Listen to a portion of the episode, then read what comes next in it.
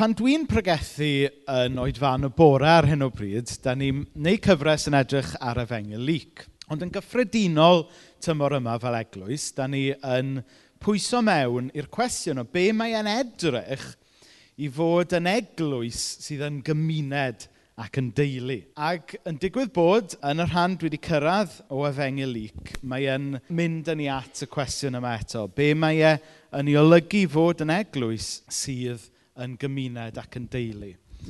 Achos, os ydych chi'n edrych ar y testament newydd, mae'n amlwg fod bod yn eglwys, fod bod yn bobl Iesu, mae e'n fwy na jyst troi lan unwaith ar ddi syl. Mae e'n fwy na jyst cael eich enw lawr ar rhestr aelodau rhyw gapel.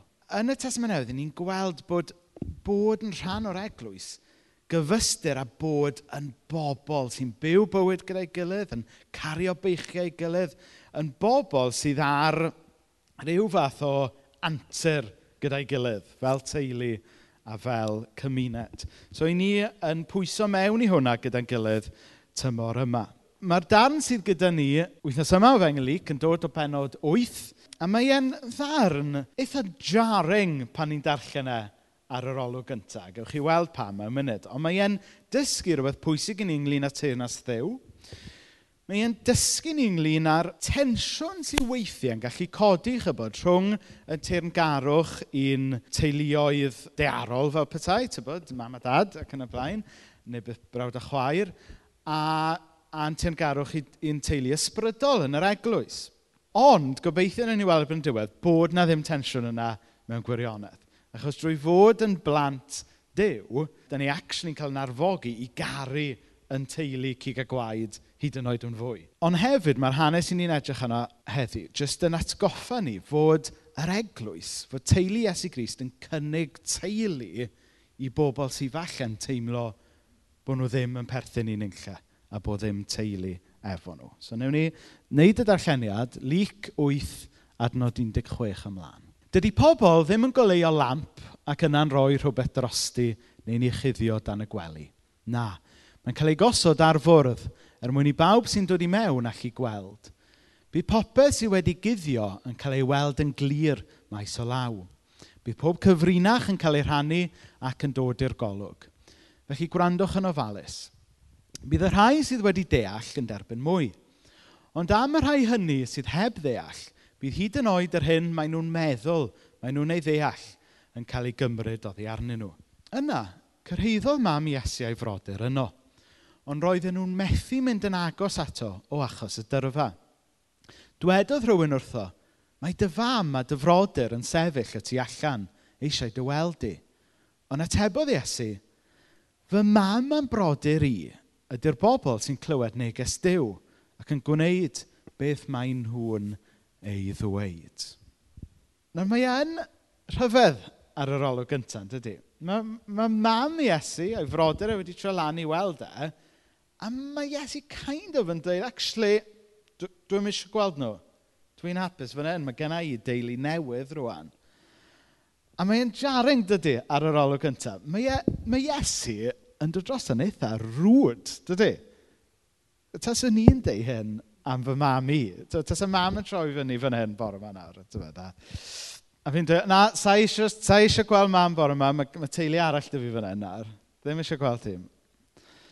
Ond beth yw'r cyd-destun sy'n mynd ymlaen fan hyn? Nawr, oedd Iesu wedi dechrau i weinidogaeth gyhoeddus. Oedd Iesu wedi dechrau pregethu, oedd Iesu wedi cychwyn wneud gwirthiau, a bob man oedd e'n mynd, oedd yna fel torfeidd mawr. Oedd lot o bethau rhyfedd yn digwydd.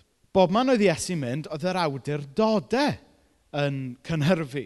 Ac oedd Iesu yn anuniongyrchol yn tynnu blewyn o drwy'n yr awdurdodau. Ac felly, mi oedd Iesu a'i bobl yn dechrau mynd i drwbl yng llyged yr awdurdodau. Roedd, oedd cynnwrf trwy y wlad. Chybod, mae, mae newyddion a, a pethau'n gallu newid popeth yn chwyr. Ac, ac oedd cynnwrf trwy y wlad o glywed am y pethau yma oedd Iesu yn ei wneud. Ac yn naturiol, bydde mam Iesu yn poeni yn bydde hi o glywed mae ei mab hi. A ei mab hi oedd hi wedi bod yn anwylo yn blentyn bach. Ei mab hi oedd wedi tyfu i fyny. Mab i oedd wedi mynd ar goll unwaith yn Jerusalem am dri diwrnod, ond wedyn oedd wedi ffeindio fe. I mab i oedd wedi bod yn gweithio yn tu y sair. Mae'n clywed mai fe, i mab hi, oedd yng nghanol y, y cynnwrf mawr yma. Nawr yn y fengil Marc, i ni'n darllen fod teulu Iesu'n meddwl bod e wedi mynd yn wallgo, bod e falle wedi cael rhyw fath o breakdown neu rhywbeth. Yn y fengil Ioan wedyn, i ni'n darllen fod ei frodau ar y pwynt yma beth bynnag, ddim falle'n credu beth oedd Iesu yn dweud. A bydde hwnna'n rhywbeth anodd, yn bydde? Dychmygwch, tas e, tas e mrawd i, yn, ei lawr gyda mrawd weekend diwetha, tas e mrawd i yn dweud, o ie, by the way, Rhys, uh, fi yw Dyw. Ymateb naturiol bysa amheuaeth, yn dyfa?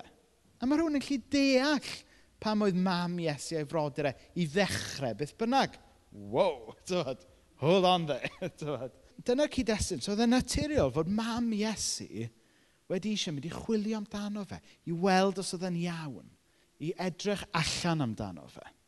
A mae hwnna yn ymateb cwbl greddfol yn dydy. Dwi'n gwybod bod sawl mam yma bore yma. A fysa chi'n neud un peth yn pasach. Fysa chi'n clywed fod eich, fod eich mab chi yng nghanol rhyw gynnwr mawr, bysa chi eisiau mynd i weld bod e yn oce. Okay mae dy fam a dy frodyr yn sefyll tu allan eisiau dy weld di. A wedyn ymateb Iesu yn, yn ymddangos yn hash ac yn oeraidd.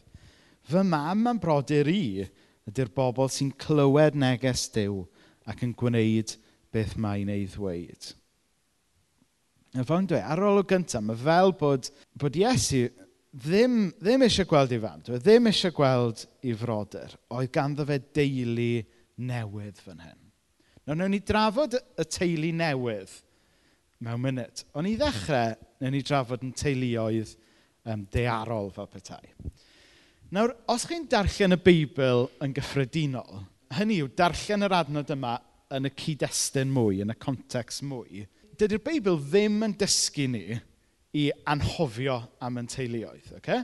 In fact, mae un o'r deg gorchymyn yw anrhydedda dy dad a pham, ynddo fe? Felly, dydy'r Beibl ddim yn dweithio ni, wel, unwaith da ni wedi dod yn Grisnogion, bod ni jyst yn anhofio am mam a dad, a bod ni'n anhofio ynglyn â'n brodyr a'n chwiorydd a'n gŵr a'n gwragedd neu beth bynnag.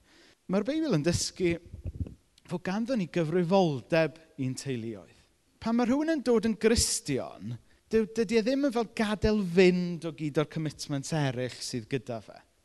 So, so pan ddys i gredu yn Iesu, nes i ddim fel newid fy nghyfenw. Tyfod, wnawn ni ddim yn rownd lle galw fy hun yn Rhys Grist. Wedyn. Chi, chi ddech beth sydd gyda fi? Fydda, o'n i dal yn Rhys Llwyd. Ar ôl fi ddod yn Gristion, o'n i ddim yn stopio bod yn Gymro a wedyn troi yn iddew. O'n i dal yn Gymro. Chi'n deall beth be sydd gyda fi?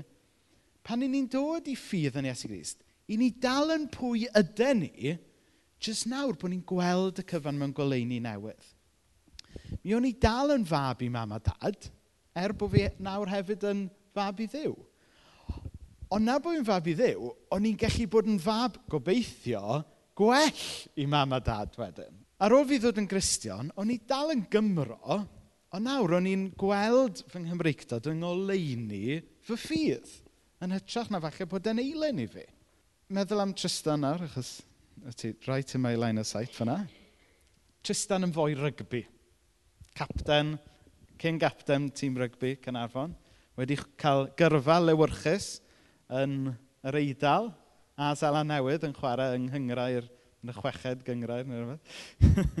Pan oedd Tristan i gredu'n Iesu Grist, oedd e ddim jyst wedyn yn yn anhofio'n llwyr am ei rygbi. Na, oedd e dal, mae dal yn iawn iddo fe licio rygbi, Ond nawr bod yn hoffi rygbi, yng ngoleun i ffydd.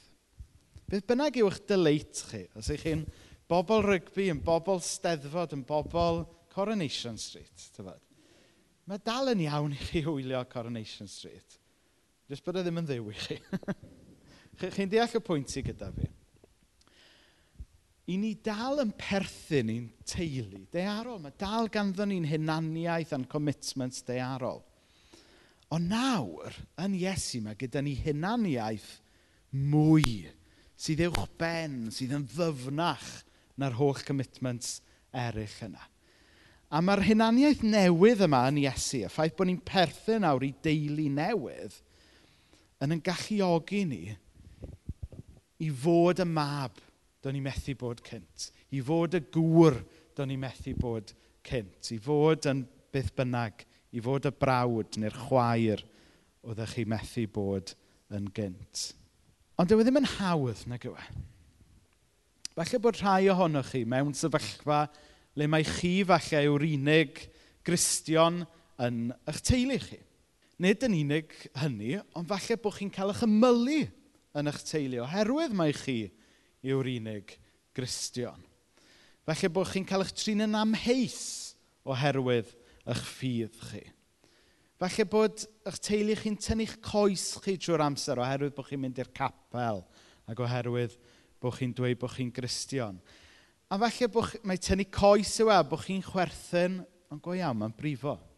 Falle bod chi mewn sefyllfa fel yna ar hyn o bryd.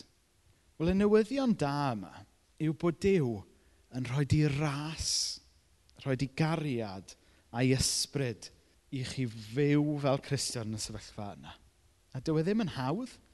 Dyw e ddim yn hawdd pan mae chi yw'r unig Gristion yn, yn eich teulu falle neu, neu yn eich sefyllfa, yn yr ysgol, yn y gwaith. Beth bynnag yw eich sefyllfa chi.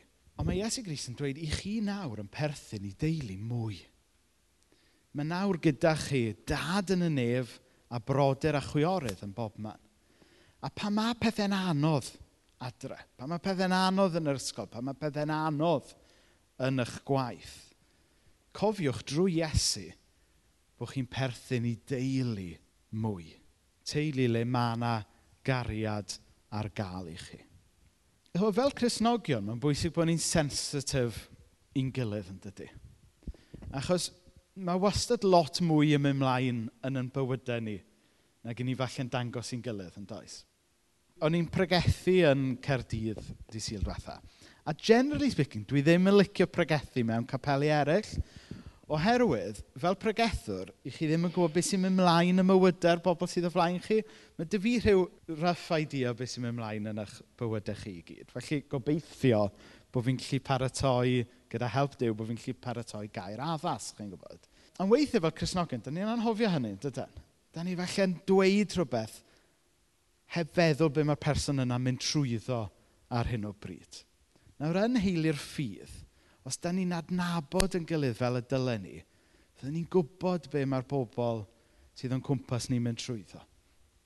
Achos weithiau mae rhywun angen i herio, ond ydyn, weithiau mae rhywun angen cic lan y penwl.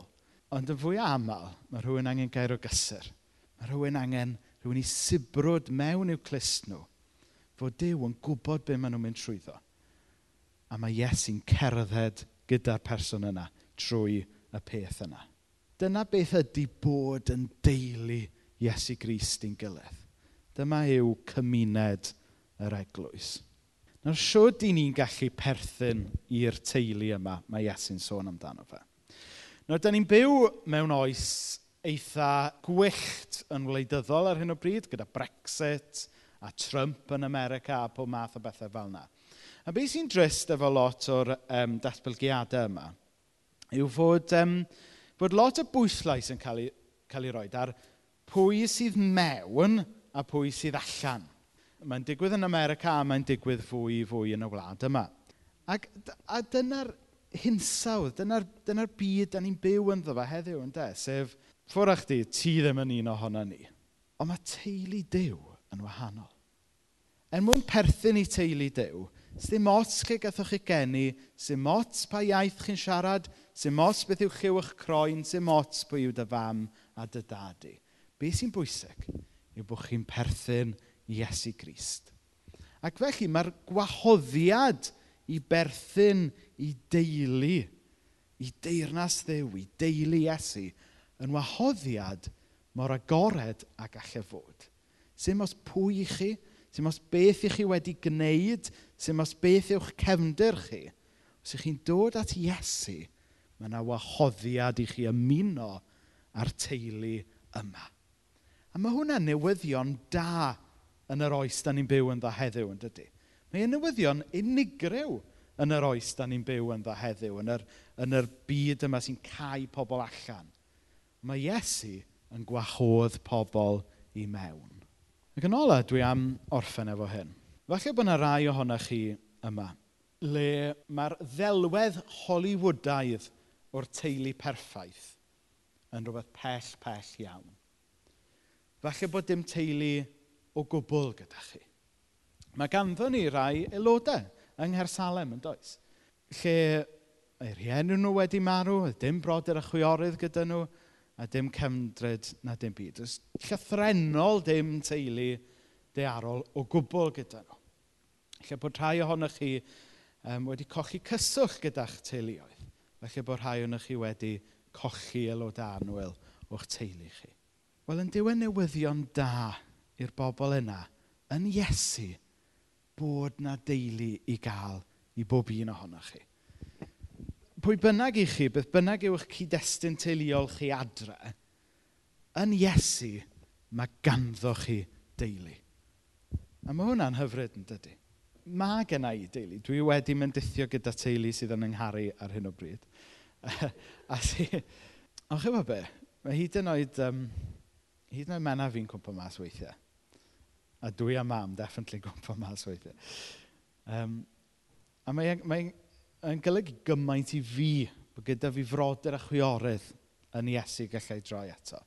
Ond allai ddychmygu i bobl sy'n heb deulu dearol o gwbl bod hwnna hyd yn oed fwy special yn dydy. Fod Iesu yn cynnig i chi fod yn rhan o'i deulu fe. Mae hwnna'n newyddion da. So dwi jyst eisiau annog pob un ohonoch chi bore yma i chi gamu mewn i'r teulu yna. Falle bod chi, falle ar gyrion y teulu yna. Falle bod chi'n meddwl bod chi'n edrych ar y tu allan ar y teulu Iesu? Wel, heddiw, trystiwch yn Iesu a dewch i mewn i'w deulu fe. I rai yma bore yma sydd yn ystyried ych chi'n eisoes yn rhan o deulu Iesu, wel, ydyn ni'n byw yn bywyd fel teulu Iesu yn edrych i mewn neu yn edrych allan? Felly'n rhy aml bod ni fel eglwys yn gallu byw bywyd jyst yn edrych i mewn – Bod angen ni edrych allan i weld pwy allwn ni wahodd at Iesu drwy ffydd ac i mewn i'w deulu fe. Felly, pan oedd Iesu'n dweud fel hyn, fy mam am brodyr i ydy'r bobl sy'n clywed neges Dyw ac yn gwneud beth mae'n ei ddweud. Ar yr olwg gyntaf, mae'n ymddangos yn hash yn dydy. Pan eich chi actually yn edrych ar beth mae Iesu'n dweud yn cyd-destun y Tesma Newydd i gyd, mae e'n wahoddiad hyfryd yn dydy. Fod pawb drwy ffydd yn cael bod yn rhan o'r teulu yma. Amen.